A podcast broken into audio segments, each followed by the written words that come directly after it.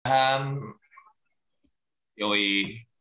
Mudah-mudahan nggak bosen ya temen-temen nih ketemu muka gue lagi nih. Gimana teman-teman kabarnya semua? Ya, kalau kata orang gereja nih ceritanya kalau orang Kristen nih semua apa kita semua di dalam penyertaan Tuhan yang luar biasa ya enggak ya? Wih, ya enggak uh, semua dalam situasi yang baik ya apa pun itu yang semua yang terjadi semua dalam situasi yang baik ya ah kita ngebahas tentang uh, apa nih tema kita uh, masuk ke tema baru ya katanya ya. Kita ngebahas tentang warrior ya teman-teman ya. Warrior nih. Uh, prajurit uh, apa nih? Uh, pejuang ya kan suatu sesuatu sosok yang memperjuangkan sesuatu berjuang gitu ya teman-teman ya. Gila, ini gawat juga nih pembahasannya. Artinya pembahasannya kemarin udah ngebahas lahir baru, sekarang masuk ke dalam uh, warrior, suatu ber, uh, yang berjuang ya kan. Ini ini bener nih ceritanya ini merek sepatu nih. Warrior nih, boleh juga tuh laptop ya enggak ya? Empat dua apa empat satu setengah nih gue nih kayaknya merasa nih. Eh enggak lab. Iya iya iya iya. Eh, warrior kita ngebahas tentang Warrior nih. Kemarin uh, kita ngebahas lahir baru. Uh, sedikit kita mundur sedikit uh, kita ngeba uh, kita ingat-ingat yang kemarin ya. Karena uh, berjuang memperjuangkan suatu itu nggak terlepas daripada apa yang kita renungkan kemarin teman-teman. Uh, saling berkaitan ada kaitannya antara lahir baru dan uh, warrior ini nih ceritanya nih. Ya teman-teman ya. Kemarin kita ngebahas tentang lahir baru. Uh, lahir baru bukan sesuatu hal yang tiba-tiba gitu ya kan. Ketika lo menjadi Kristen lo langsung jadi lahir baru teng gitu ya kan. Kayak Power Rangers lo berubah bentuk. Nggak seperti itu ya teman-teman ya. Lahir baru adalah proses. Ya di mana kita uh, ya menerima Kristus uh, situasi kita sudah dibenarkan ketika kita menerima Kristus status kita sudah dibenarkan tapi secara realitanya kenyataannya status kita belum betul-betul benar. Ya kan kalau kata si si siapa tuh si Talita belum betul-betul betul tadi ya nggak? Tahu ya nggak? Ya kan? Uh, butuh proses untuk kita masuk ke dalam lahir baru itu teman-teman ya butuh proses waktu kita bilang kita percaya kepada Kristus ya kita betul sudah dibenarkan di dalam statusnya tapi secara nyatanya ya kan kehidupan dosa kita sudah lama udah sangat lama hidup bersama-sama dengan kita. Kita sudah terbiasa dengan itu. Ya nggak teman-teman? Artinya di dalam kehidupan yang kita yang baru ini, di dalam status kita yang sudah dibenarkan, kita harus berjuang. Masuk ke dalam prosesnya, teman-teman. Ya, masuk ke dalam prosesnya nih. Masuk ke dalam proses sehingga kita nyampe di suatu titik kita di lahir baru kan ya teman-teman ya. Artinya kita nggak cuman nggak langsung berubah bentuk, nggak langsung gitu aja. Oke, gue percaya Yesus, gue terima Yesus. Oke, gue sudah dibenarkan. Oke, berarti gue sudah lahir baru. Pang gitu. Nggak kayak gitu ternyata. Ternyata, oke, gue terima Yesus, gue sudah dibenarkan. Oke, status gue dibenarkan. Tapi ternyata kecenderungan gue untuk uh, melihat kehidupan gue yang cenderung rusak ya nggak tiba-tiba langsung jadi orang yang wih kudus kayak gitu ya teman-teman ya butuh proses teman-teman ya butuh proses eh, dan ini sangat terkait eh, kemarin kita juga udah ngobrolin juga ini soal ini ini sangat terkait dengan eh, konsep kerajaan Allah ya teman-teman ya di mana Allah yang berotoritas penuh ya, Allah yang menjadi pusat tujuan hidup kita Allah yang menjadi satu-satunya sumber kebahagiaan kita, teman-teman. Allah yang menjadi satu-satunya pusat kita melangkah di dalam kehidupan ini, teman-teman. Ya. Dan semuanya itu butuh proses. Ya, teman-teman ya. Butuh proses dan proses itu nggak mudah. dan proses itu susah. Kita semua punya latar belakang yang berbeda-beda, yang nggak bisa disamain semua. Mungkin Amos punya latar belakangnya yang berbeda, mungkin Anastasia punya latar belakangnya yang berbeda, yang nggak sama kayak si Amos, tapi uh, semuanya uh, kita sama-sama berjuang. Nggak ada yang nggak ada yang lebih, nggak ada yang lebih, nggak ada yang lebih uh, susah, nggak ada yang lebih gampang. Kita sama-sama masuk ke dalam proses itu, teman-teman. Ya enggak ya, itu jadinya itu. Artinya puncaknya nanti ketika kita lahir baru, yaitu puncaknya nanti setelah kita melewati proses ini sehingga kita lahir baru dan kita nggak tahu kapan kita dilahir barukan teman-teman? Dan kita nggak pernah tahu itu misteri ilahi teman-teman. Misteri yang sulit untuk kita pahami kapan kita lahir baru. Tapi kita mau masuk ke dalam prosesnya. Sehingga waktu sampai kita titiknya nih tak kita sampai di titiknya nih kerajaan Allah itulah yang jadi pusat hidup kita, teman-teman. Apa pun yang kita lakuin, baik itu kerja kita, sekolah kita, eh, apa pun itu pergaulan kita, semuanya berpusat kepada Allah. Yang kita kerjain semuanya hanya untuk Dia. Otoritas penuh di dalam kehidupan kita, pemerintahan penuh di dalam kehidupan kita, Dia. Kesenangan kita dia, kebahagiaan kita dia. Nggak ada yang bikin kita senang, nggak ada yang bikin kita bahagia selain daripada dia itu titik di mana kita sudah dilahir barukan nanti, teman-teman. Ya. Dan sekarang untuk mencapai titik itu kita butuh proses, teman-teman.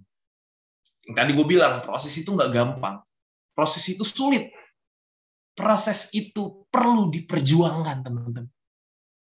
Dan kita semua nih orang-orang yang mau memperjuangkan itu pastinya, teman-teman ya. Dan kita semuanya pasti orang-orang yang mau berjuang untuk mencapai kehendak Allah itu, untuk dilahirkan baru itu. Untuk segala sesuatunya kita lihat hanya Allah, yang bikin kita senang hanya Allah, yang bikin kita bahagia hanya Allah, yang bikin kita sukacita hanya Dia. Kita lagunya dulu kan sebab hanya Tuhan yang membuat sukacitaku penuh kan. Dan kita dan harus kita renungkan bersama ketika kita sampai kepada titiknya kita lahir baru, kita bisa ngomong kayak gitu loh teman Sebab hanya Tuhan yang membuat sukacitaku penuh. Ya, dalam segala situasi, dalam segala hal. Makanya kita masuk mau masuk.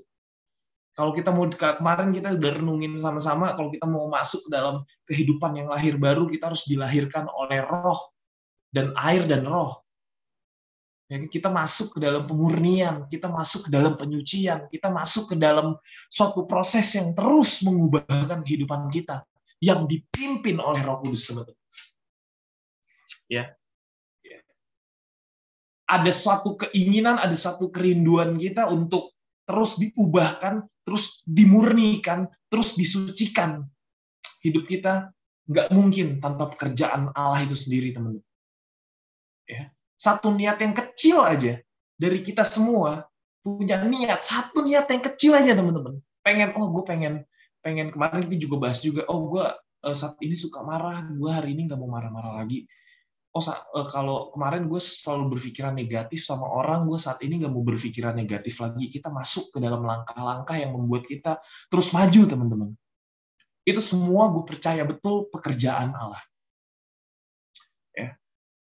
Itu semua pekerjaan Roh Kudus, teman-teman.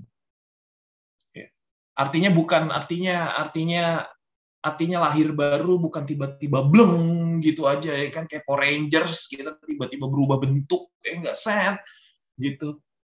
Tapi ada proses. Ada hal-hal yang membentuk kita.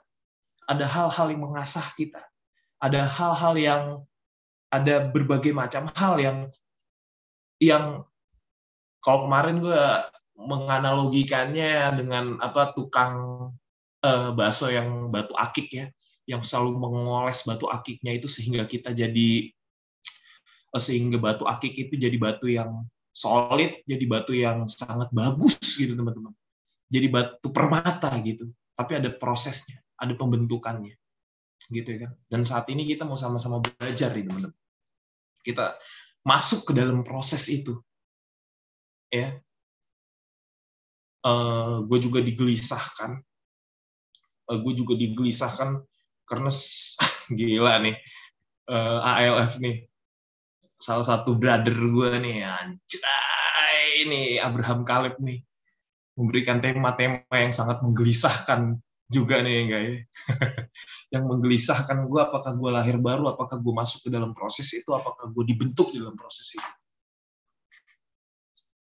Ini menjadi perenungan gue juga dan semoga gue juga bisa membagikan buat teman-teman sekali lagi gue bukannya mau ngomong yang wah gue udah tahu semuanya gue udah tahu ini gue udah tahu itu gue udah ngulik ini gue ngulik ini. Enggak.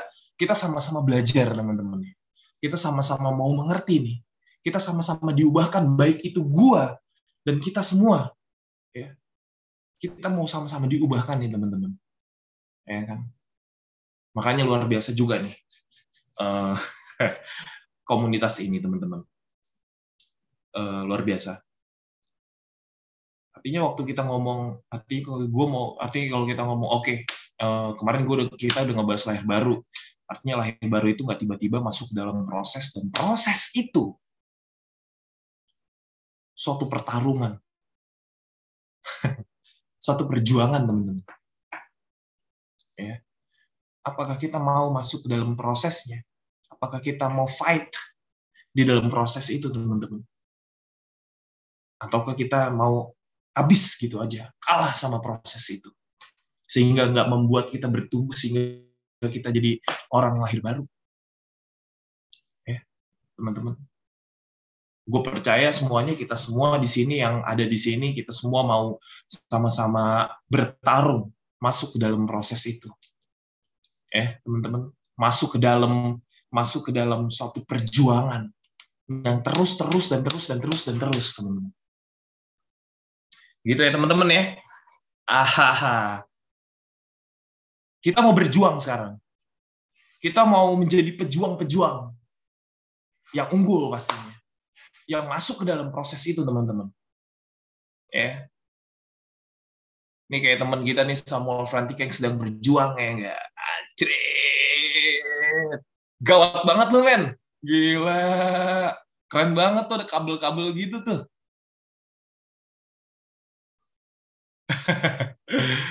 gila, gila, gila, gila, gila. Uh, ya, kita mau berjuang, teman-teman. Dan itulah konsekuensi kita beriman, teman-teman. Ya. Kita kita kita betul-betul pak kita betul-betul palsu banget kalau kita ngomong e, eh, gue mau beriman, gue mau mau dilahir barukan, tapi gue nggak mau masuk dalam proses itu tapi gue oke okay, masuk ke dalam proses itu tapi tapi eh, gue nggak mau berjuang. Gue mau masuk ke dalam suatu perjuangan. Gue nggak mau fight di dalam prosesnya itu. Itu bukan iman. Tapi kalau kita ngomong eh, gue mau beriman.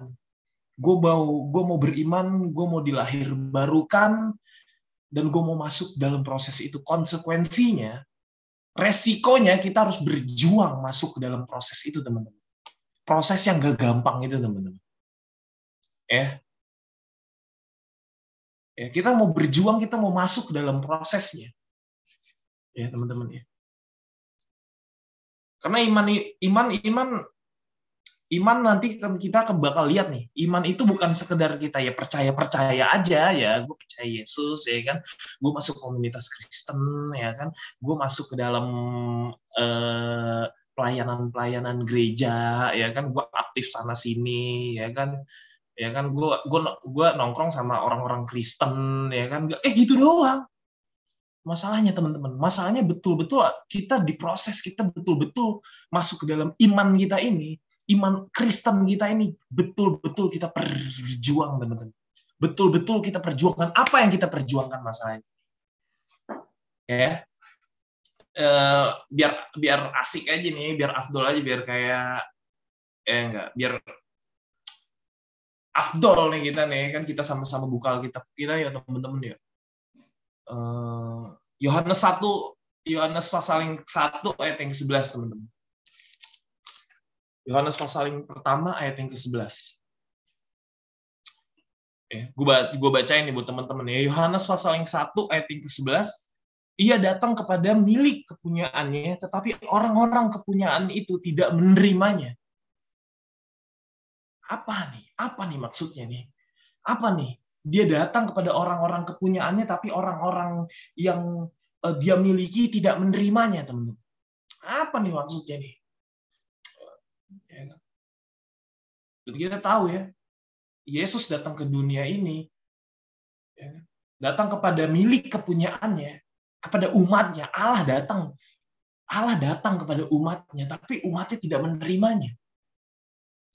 Kecenderungan orang, kecenderungan kita semua ya nggak mau masuk ke dalam proses itu teman-teman masuk ke dalam terang itu kalau tadi di Yohanes pasal 3 tadi kalau teman-teman baca Yesus mengumpamakan keberadaannya sebagai terang teman-teman ya kita nggak mau masuk ke dalam terang itu. Kita cenderung menghindari terang itu, teman-teman.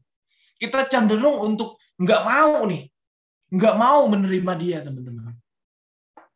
Ya, ini satu kemelencengan nih, teman-teman. Ini sesuatu hal yang nggak tepat nih, teman-teman. Ya, kita cenderung punya itu, kita cenderung mau jauh sama sama ah penting lah. Ya kan? Yang penting gue Kristen nih. Yang penting gue masuk komunitas Kristen. Yang penting gue jadi pelayan gereja. Yang penting gue di dalam gereja gitu ya kan? Ya udahlah cukup sampai di situ. Yang penting gue diselamatkan ya kan? Tapi kita nggak mau masuk ke dalam terang itu. Ini bahaya teman tadi Yohanes 3 udah ngomong soal itu. Ya ini bahaya banget nih. Dan ini jadi jadi satu hal yang betul-betul gue gue pikirkan betul-betul akhirnya nih. Gue pikir gue bener-bener gue pikirin nih. Cenderung kita itu kita itu nggak memikirkan dia sebenarnya tahu teman-teman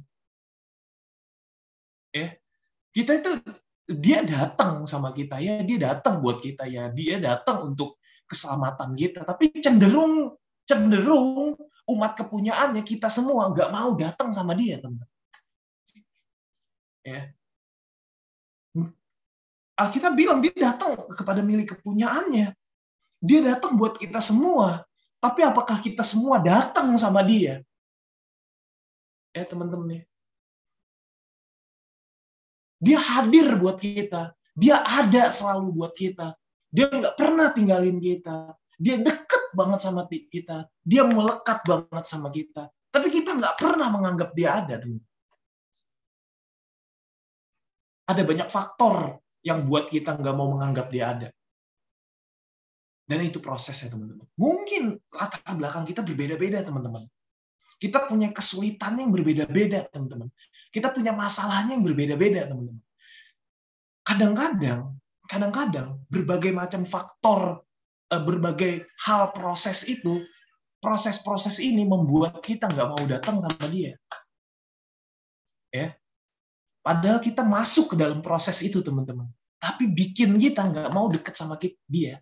Karena kita cenderung fokus sama sama proses yang sulitnya itu dan kita fokus sama proses yang sulitnya itu dan yang kita pikirin bagaimana nih masalah ini nih, gimana nih proses ini nih, gimana nih penderitaan ini nih, gimana nih kesengsaraan ini nih. Bikin kita lupa akhirnya gimana nih, apalagi kita diberkati Tuhan, kita punya harta yang berlimpah. Waduh, kadang-kadang suka bikin kita suka bikin kita nggak mau datang sama dia. Jadi proses kita nih beda-beda teman-teman. Mungkin ada yang di dalam penderitaan, ada yang di dalam masalah. Mungkin ada yang di dalam kesenangan, ada yang di dalam kelimpahan gitu teman-teman ya. Tapi semuanya sama. Di dalam satu proses yang sama teman-teman. Ya. Tapi kecenderungan kita nggak pengen, nggak pengen nih Yohanes bilang dia datang ke umat kepunyaannya, tapi umat kepunyaannya kabur nih. Itu jangan-jangan kita semua, itu jangan-jangan gua juga. Itu jangan-jangan gua juga, itu jangan-jangan kita semua. Dia deket sama kita. Dia deket banget sama kita. Dia nempel banget sama kita. Dia melekat banget sama kita. Dia hadir buat kita, dia berkorban buat kita. Tapi jangan-jangan yang kita pikirkan bukan dia tapi kesulitan kita menjalani proses kehidupan kita yang berbeda-beda setiap kita teman-teman. Ya. Tadi thank you banget Nita udah mengawalinya dengan kata-kata yang bagus. Gue saat ini mungkin eh, gue diminta untuk uh, fokus sama Tuhan, gitu. Ya. ya. Idealnya kita memikirkan itu teman-teman. Ya, mau nggak sih? Mau nggak sih kita semua berjuang? Kita semua berjuang menjalani prosesnya teman-teman melewati prosesnya betul-betul dengan memikirkan dia, betul-betul dengan mengandalkan dia, betul-betul dengan dengan melekatkan diri dengan dia. Jadi kalau kita lihat tadi umat kepunyaannya cenderung menjauh dari dia yang mau mendekat. Cenderung menjauh dari dia yang mau menyatu dengan kita. Ya, Gila, kalau kita lihat umat perjanjian lama, mereka berjuang-juang, motong kambing, motong apa segala macam untuk mempersembahkan itu buat Allah agar mereka mau menyatu dengan Allah. Tapi ketika Allah itu datang kepada kita, kita mau milih untuk menjauh daripada Dia. Ya teman-teman ya, ini ini jadi perenungan kita bersama nih. Artinya apa yang kita mau kalahin di dalam proses itu, yang kita mau perjuangin, yang kita sama-sama mau berjuang tetap kita mau melekat dengan dia dalam segala hal di dalam proses ini. Ya, teman-teman ya. Tuhan nggak memakai prosesnya, Tuhan nggak memperlihatkan proses-proses hidup kita yang supranatural kok, yang amazing nih, wah luar biasa nih enggak. Tapi masalah-masalah yang terdekat kita, kenikmatan-kenikmatan yang ada di dalam kita, ya kan, yang sangat natural teman-teman. Itu bisa memproses kita, bisa membentuk kita ya teman-teman ya. Jadi apa nih maksudnya nih? Apa sih maksudnya eh, Tuhan mau mendekat dengan kita tapi kita menjauh dari Dia? Apa sih maksudnya? Dosa. Nggak pernah kita mau masuk ke dalam relnya Tuhan. Nggak mau kita pernah masuk ke dalam jalurnya Dia. Selalu nih pencong terus nih selalu mencong terus nih, belok terus teman-teman. Ya belok, tapi masuk lagi ke dalam proses itu harusnya. Ya, dan berjuang lagi dan berjuang lagi dan berjuang lagi. Karena kan kita tahu titiknya adalah nanti apa? lahir baru. Sampai kita apa?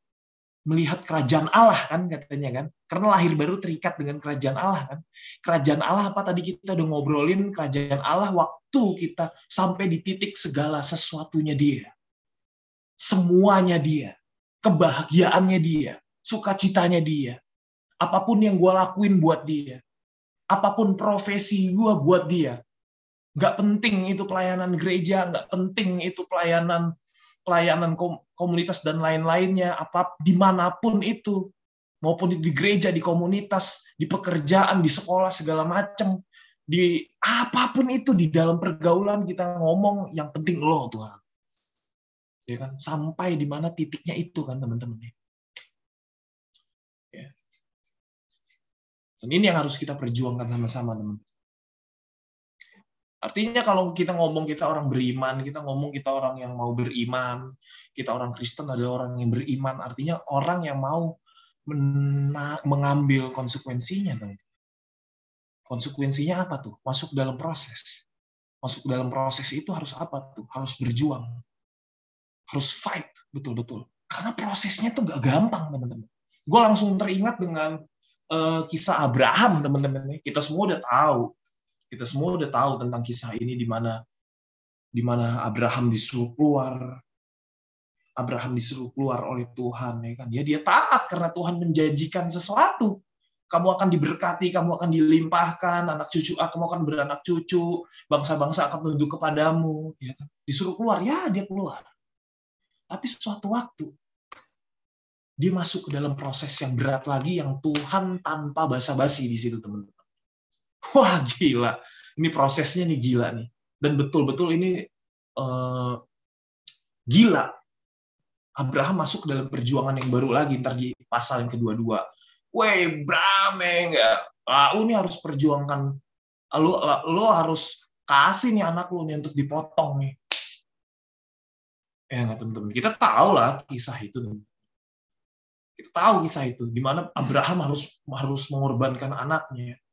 Dan kita tahu Abraham akan berpikir, wah kalau katanya gue akan akan diberkati Tuhan dengan anak cucu yang berlimpah ya kan akan menjadi suatu bangsa. Wah kalau gue menyembelih dia melalui Ishak bangsa itu kalau gue nyembelih dia nih abis dong tuh bangsa. Kalau bini gue tahu abis dong nih keluarga gue nih. Semuanya akan habis teman-teman.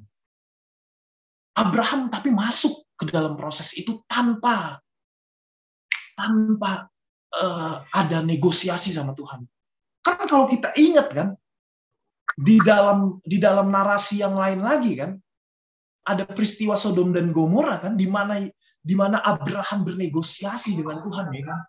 Tapi kok di dalam peristiwa ini Abraham nggak dikasih negosiasi teman-teman. Oh jangan dong, jangan dong, yang lain deh. Sebentar deh, sebentar deh. Ada ada yang lain bisa dipersembahkan nih. Bentar deh. Tanpa ada negosiasi di situ. Ya.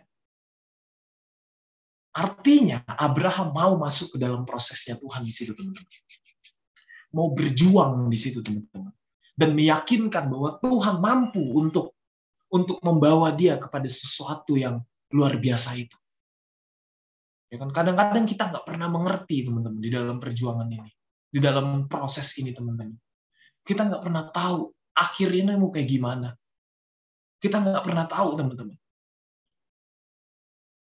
gue percaya semua teman-teman nih, kita semua masuk ke dalam prosesnya Tuhan nih, termasuk gue juga.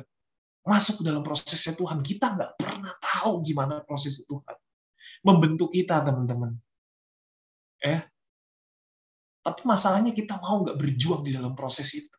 Bahkan di dalam kisahnya Abraham ini ada satu uh, filsuf uh, filsuf Kristen Kierkegaard dia juga sempat bilang bahwa gue nggak habis pikir intinya gue nggak habis pikir sama kisah Abraham ini nih. Abraham ini untuk menumbalkan anaknya untuk menyembelih anaknya ini suatu hal yang gila nih. Ini akan ini akan menghabiskan semuanya. Baik itu waduh semuanya teman-teman. Dia akan dia akan kehilangan semuanya ini semua teman-teman. Ya kan? Ini gila ini peristiwa yang gila. Tapi gilanya lagi Abraham tetap bergantung sama Tuhan teman-teman. Dia nggak perlu negosiasi sama Tuhan. Ini gilanya. Waktu waktu kita waktu kita masuk ke dalam proses Tuhan seberapa sering nih kita bernegosiasi sama dia teman-teman? Kok gue begini sih Tuhan? Kan gue baik Tuhan orangnya. Kok gue begini sekarang Tuhan? Kan gue kan udah udah berjuang Tuhan negosiasi kita sama Tuhan ya enggak? Ya kan? Kita nggak pernah ngomong Tuhan, gue percaya Tuhan. Gue mau terus berjuang Tuhan. Gue mau terus menjalani apa yang lo mau. Apa yang lo kehendaki di dalam kehidupan gue. Apa pun itu situasinya Tuhan. Gue percaya akhirnya gue akan ada di situasi yang sangat dekat dengan lo Tuhan. Gue ada di posisi yang sangat banget sama lo Tuhan. Gitu teman-teman. Asalnya kita mau nggak berjuang masuk ke dalam proses itu teman-teman. Eh, artinya gue ngomong lagi beriman adalah suatu konsekuensi. Ada konsekuensinya. Waktu lo memilih untuk beriman, waktu gue juga mau memilih untuk beriman, ada konsekuensinya. Satu kesulitan, satu satu proses, satu perjuangan. Ya, makanya Abraham dikatakan sebagai eh, bapak orang beriman ya, sebagai bapak berorang beriman bukan tanpa proses, tentunya dengan suatu proses yang sangat dalam, tentunya dengan suatu proses yang nggak gampang. Betul-betul kita akan melihat iman kita yang sempurna, teman-teman. Waktu kita bisa bilang, Allah, engkau yang berotoritas penuh di dalam hidup gue. Allah, engkau sumber satu-satunya kebahagiaan di dalam kehidupan gue. Waktu kita bisa masuk ke dalam prosesnya dia. Eh, waktu bisa kita masuk ke dalam prosesnya dia. Uh, gue mau ajak teman-teman kita lihat lagi nih Alkitab kita nih di di mana ini ya di Ibrani. Di dalam surat Ibrani di dalam surat Ibrani pasal yang ke-12, teman-teman. Ibrani pasal yang ke-12. Iya, Ibrani pasal yang ke-12 ayat yang keempat, teman-teman. Ini suatu ini suatu ini satu ayat yang uh, menguatkan kita untuk berjuang ya, teman-teman. Uh, Ibrani pasal yang ke-12 ayat yang keempat dalam pergumulan kamu melawan dosa, kamu belum sampai mencucurkan darah. Ya. Dalam pergumulan, dalam perjuanganmu, nanti kalau kita lihat dalam teks-teks Alkitab yang lainnya, dalam perjuangan lo ngelawan dosa, lo belum mencucurkan darah. Kenapa kita nggak terus berjuang terus untuk melawan itu, teman-teman? Kalau tadi kita lihat di awalnya, Yohanes 1, ya kecenderungan kita mau memisahkan diri sama Tuhan, melenceng sama Tuhan itu adalah dosa. Jadi kan artinya yang kita gumulkan, yang kita perjuangkan perlawanan kita terhadap dosa. Ya. Yang kita gumulkan menjauhnya kita sama proses itu, teman-teman. Menjauhnya kita sama proses itu dosa. ya. Ya. Enggak masuknya kita masuk ke dalam proses itu untuk melekat dengan Tuhan itu dosa. Dan kita bergumul melawan itu, masuk ke dalam prosesnya. Apa pun itu prosesnya yang menyakitkan gue. Ini ini satu ungkapan yang yang gila. Ya. Kalau mungkin mungkin dengan bahasa yang mudah, kalau leher gue belum putus, gue mau terus berjuang terus. Ini satu ini satu perjuangan yang gila teman-teman. Ya kan? Kalau tangan gue belum putus, gue maju terus. Kalau leher gue belum terputus, gue maju terus. Ya, gue bergumul terus, gue berjuang terus. Apa pun yang terjadi, gue terus berjuang, teman-teman. Ya kan? Untuk melawan apa? Melawan dosa. Si Ibrani ngomong tuh, teman-teman. Wah, gila. Gila nih, betul-betul nih. Ini tema gila nih, men nih. Maaf, sih ini? Lab. Anjir. ya ini ini sebetulnya tema yang menggiring kita untuk terus untuk terus melangkah terus ini di dalam proses kita yang kalau menurut gue sempat ngomong proses yang berprogres itu nih ya dan ini ini juga ah, gawat nih ini ini ini juga menegur gue juga nih masuk gak nih gue ke dalam proses itu ya kita semua teman-teman kita semua, termasuk gue juga. Masalahnya mau nggak nih kita masuk ke dalam prosesnya Tuhan nih. Kalah nggak kita apa berjuang terus, apa fight terus di dalam perjuangan kita untuk tadi gue bilang lahir baru. Ya, teman-teman ya. Fight nggak kita untuk lahir baru. Wah, gawat nih.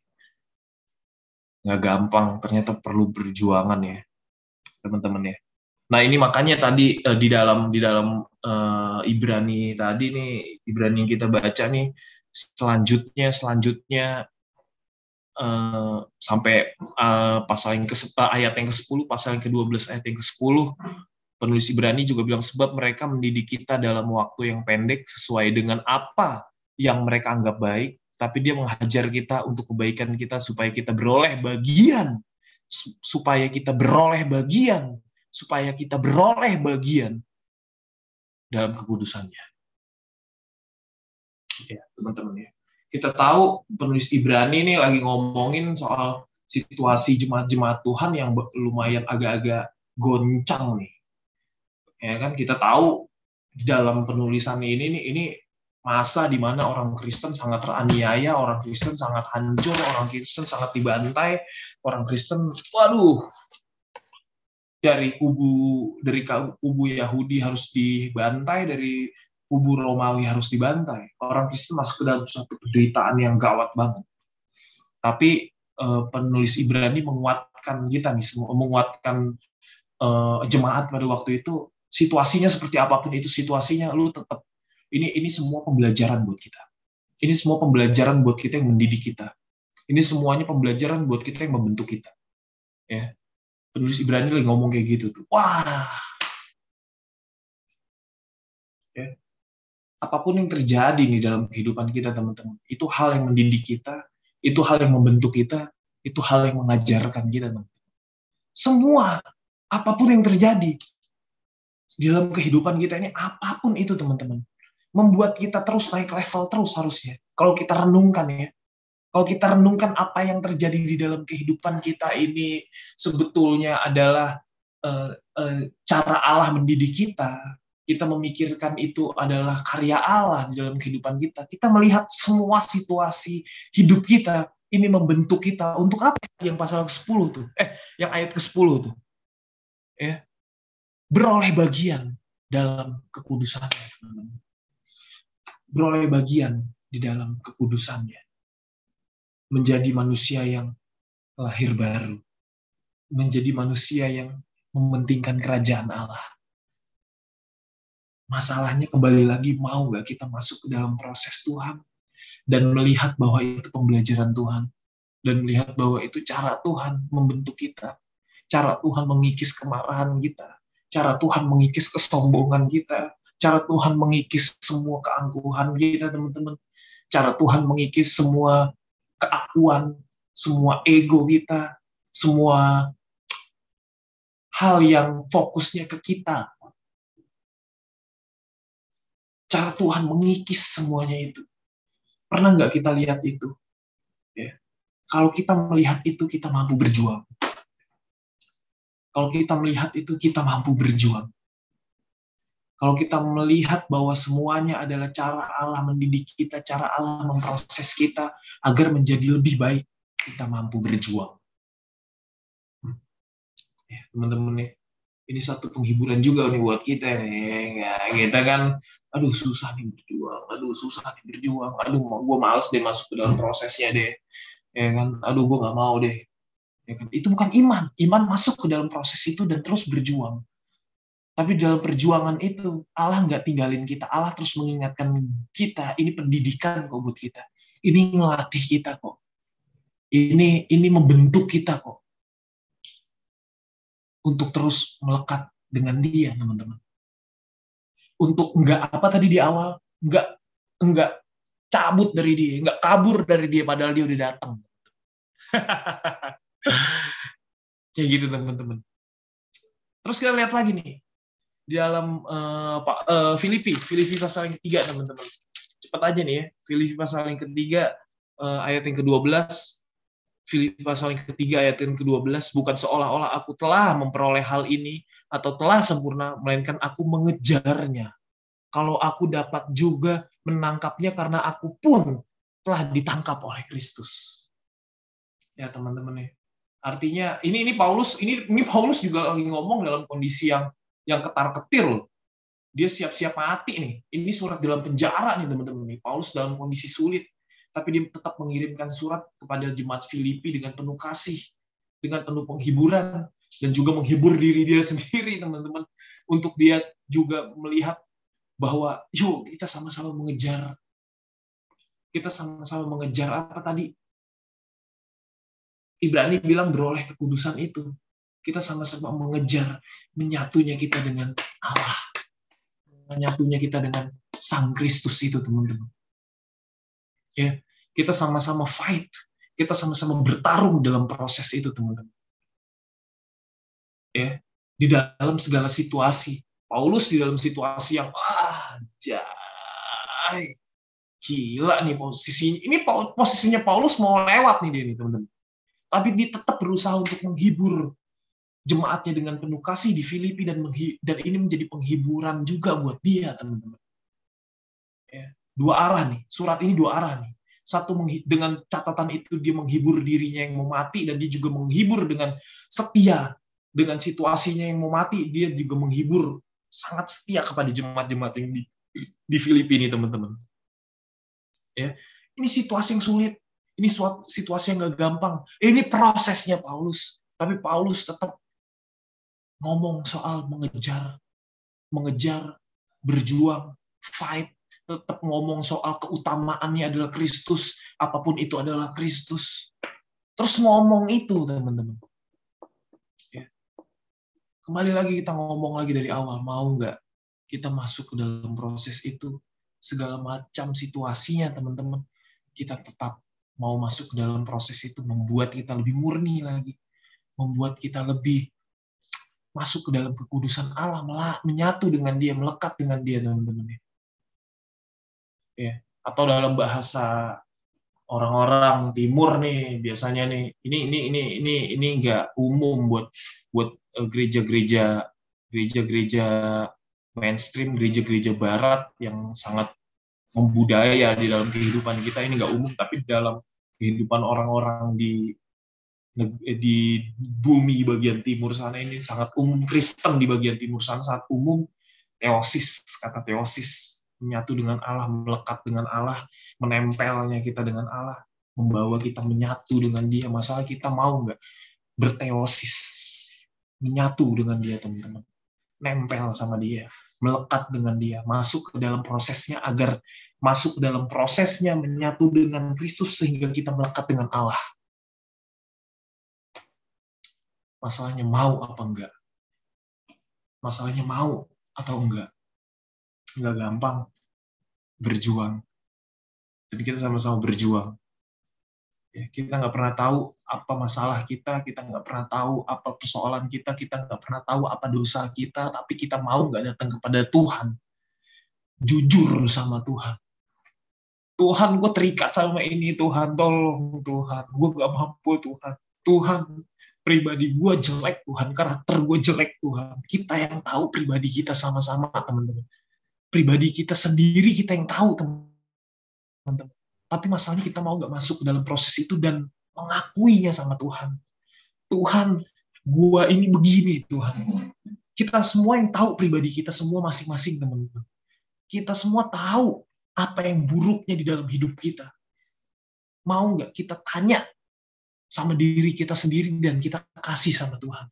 Tuhan, gue begini Tuhan. Tuhan pikiran gue kotor Tuhan. Gue datang sama lu Tuhan, gue kotor pikiran tuh gue Tuhan. Gue mau terus Tuhan dimurnikan Tuhan. Dimurnikan terus, dimurnikan terus. Kata Ibrani, masuk ke dalam kekudusan lo Tuhan. Mau nggak kita seperti itu teman-teman?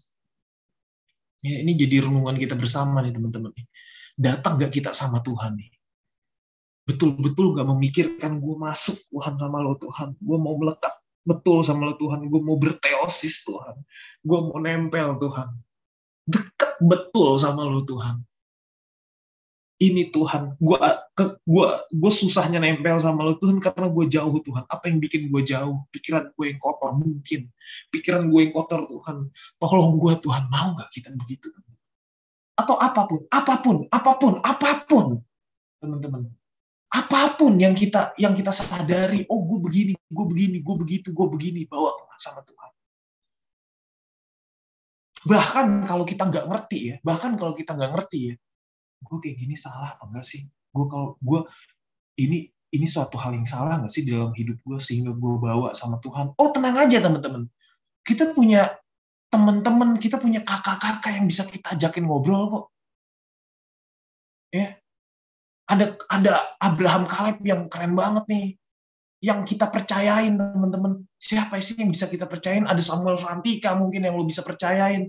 Ada Talita mungkin, ada Indra mungkin. Ah, banyak kakak-kakak yang bisa kita percayain ini yang yang gila nih, luar biasa banget nih. Keren banget.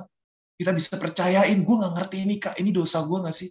Ini kesalahan gue gak sih? Ini perlu gue bawa sama Tuhan gak sih? Gue gak ngerti ini dosa gak sih, Kak? Tanyain sama hamba-hamba Tuhan ini nih. Sama orang orang yang bisa kita percaya mungkin. Ya, teman-teman ya. Kalau kita di dalam ketidakmengertian kita, teman-teman. Ya, biar kita masuk ke dalam prosesnya dan kita bisa terus berjuang masalahnya, teman-teman. Ya, dan kembali lagi, mau nggak? Mau nggak kita berjuang? Eh, sama-sama. Apalagi ini kita komunal. Satu komunitas. Ya, teman-teman ya. Harusnya konsep berpikir masa kita kalah sama orang duniawi ini orang duniawi lu diserang gue diserang ya kan lu koit gue koit nih ya kan lu kenapa-napa tenang aja deh gue nih gue backup nih orang bisa ngomong kayak gitu kita satu komunitas. Ini yang gue kadang-kadang gue sedih juga. Di dalam iman Kristen kadang-kadang, ah lu lu mati-mati lu ya kan. Ya kan? Mati-mati lu, urusan-urusan lu, mampus-mampus juga lu ya kan. Lah. Nah sekarang kita berpikir yuk, di dalam satu komunitas ini, di dalam satu wadah ini kita bersama-sama berjuang. Karena prosesnya nggak gampang. Karena prosesnya sulit. Mau nggak kita sama-sama berjuang? Gitu ya. Eh, mungkin mungkin cepat aja nih, langsung aja ke kolose pasal yang ketiga. Nih, gue mudah-mudahan teman-teman, mudah-mudahan gue tidak menjenuhkan teman-teman, ya kan, mudah-mudahan gue tidak membosankan.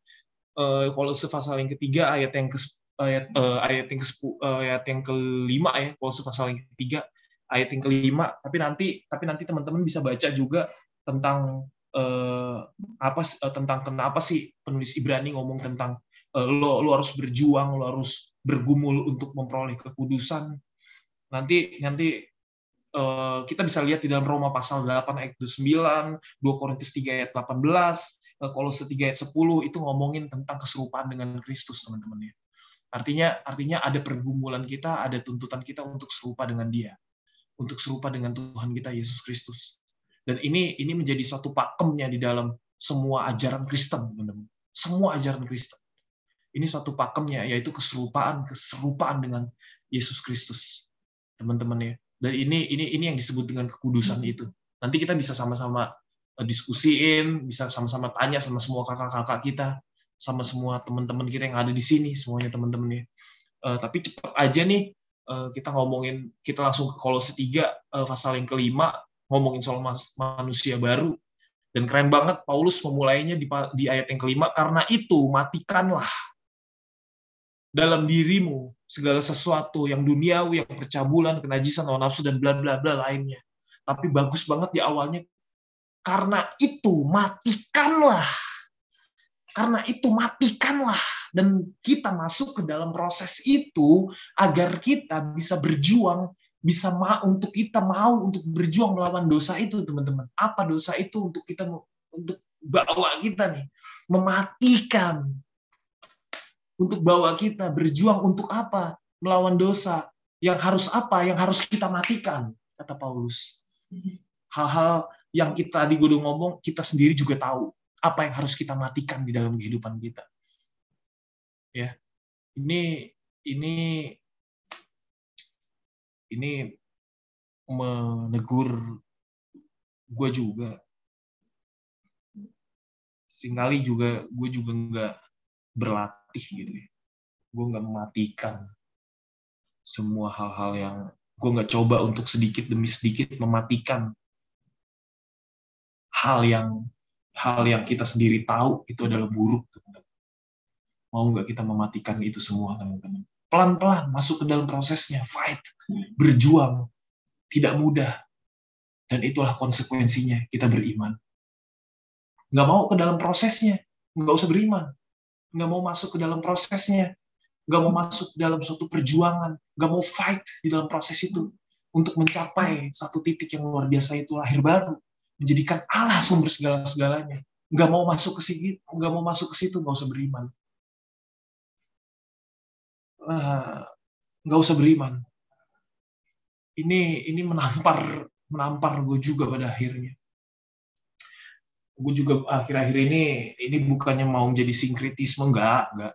Akhir-akhir ini juga uh, ada satu satu buku yang gue baca ini bukan dalam bukan dari tradisi Kristen ini dari tradisi uh, Buddha Mahayana Zen ya tapi dia juga ngomong soal perjuangan soal perjuangan di dalam kehidupan ini mungkin suatu perjuangan. Lo orang-orang orang-orang yang nggak mengenal Tuhan mau masuk ke dalam prosesnya, mau masuk ke dalam suatu pemurnian diri. Kita orang Kristen kadang-kadang yang penting gue beriman, gue diselamatkan, nggak mau masuk ke dalam pemurnian diri dan buku ini sangat menampar gue nih. Anjir. Kadang-kadang kita orang Kristen nih, nggak mau yang penting gue diselamatkan, diselamat ya kan, ah kesucian kesucian ya kan, mematikan mematikan ya kan? Latihan ya kan? Mungkin bahasa ekstrimnya asketis asketis apaan sih? Kayak, gits gits ya kan? Ya kan? Yang penting gue jadi Kristen, diselamatkan, dibenarkan, oke okay, ya kan? Masuk sorga. Kristen nih gue nih pelayanan segala macem nggak masuk dalam proses ya tapi. Ini bahaya nih teman-teman akhirnya. Ya kan?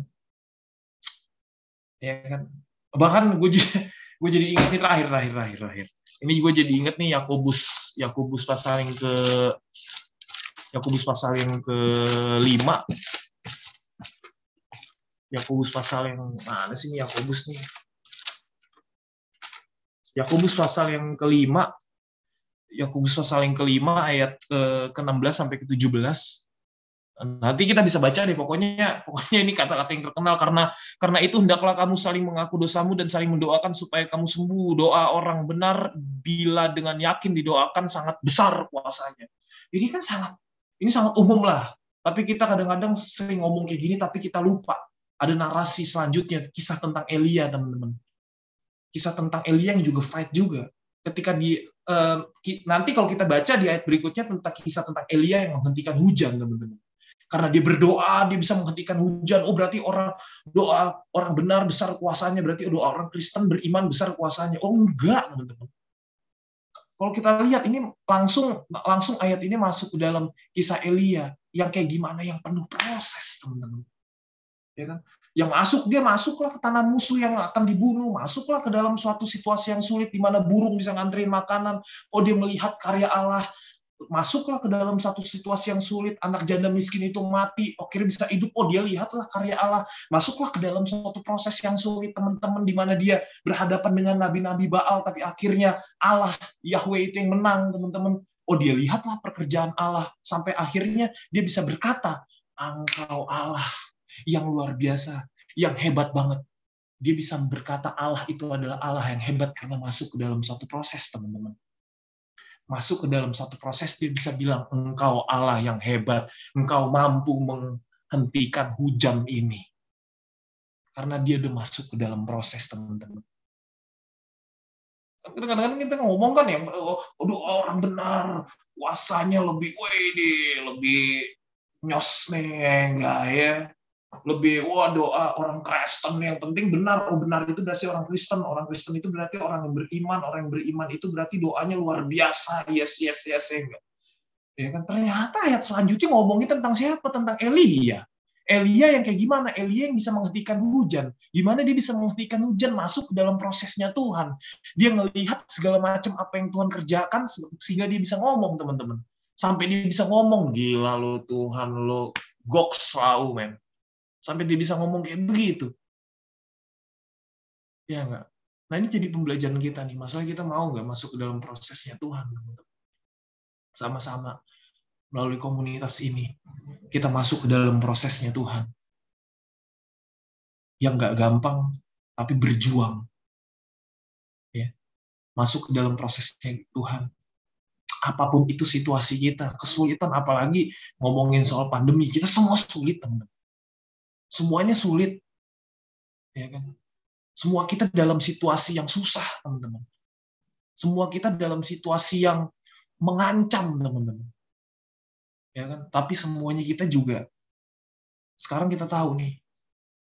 Gua ada sekarang karena gue mau masuk dalam prosesnya Tuhan biar bisa gue ngomong Tuhan itu luar biasa Tuhan itu hebat betul-betul omongan kita tentang Allah itu hebat karena pengalaman kita, karena proses kita.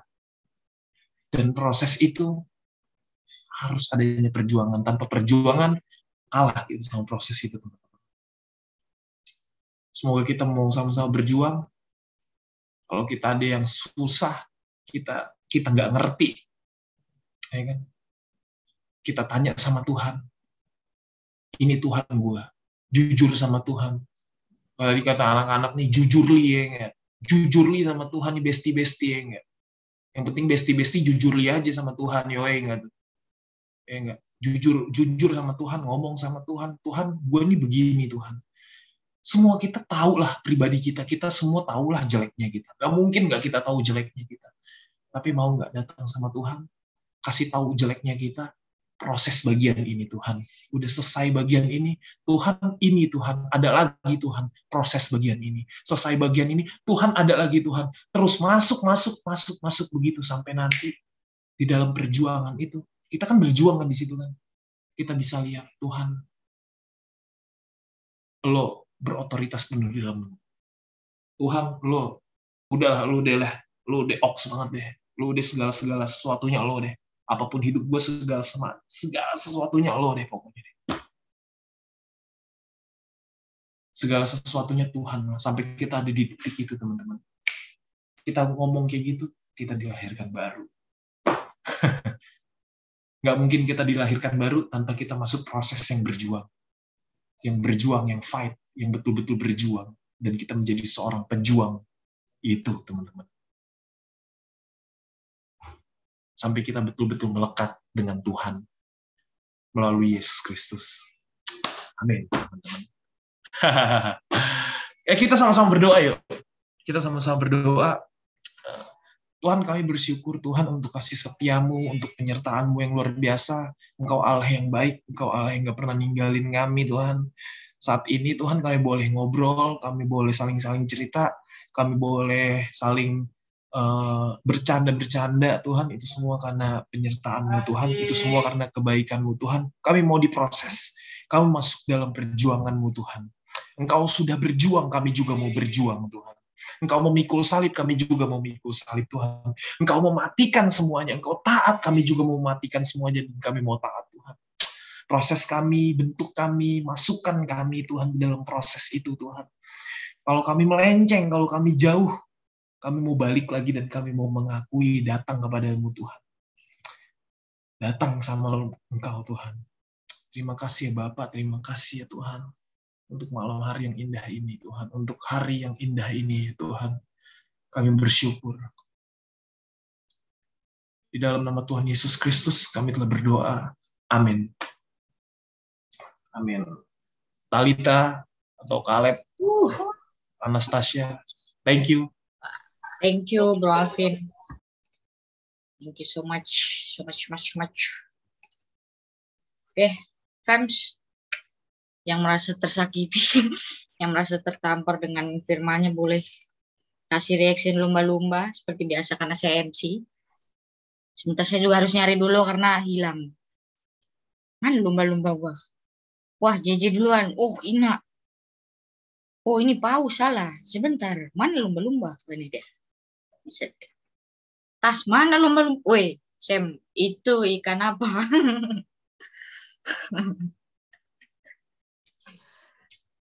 keren, keren. Thank you. Thank you sekali lagi, Bang Alvin. Tadi ingetin lagi. Ah, oke, okay, emot babi. Iya, babi air ya. Sesuai. Nah. Ketawa lu gitu betul. Oke, itu babi juga. Tapi itu babi semua badannya, Sam. Kalau tadi kalian apa tadi ya? Oh, palanya doang. Aduh.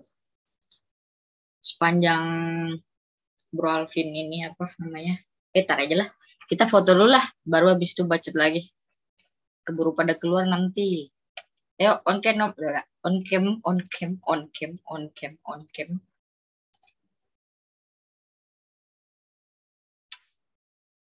Sam lu megang HP-nya pakai yang nggak diinfus. Tuh lu naik. Namanya? Pegang HP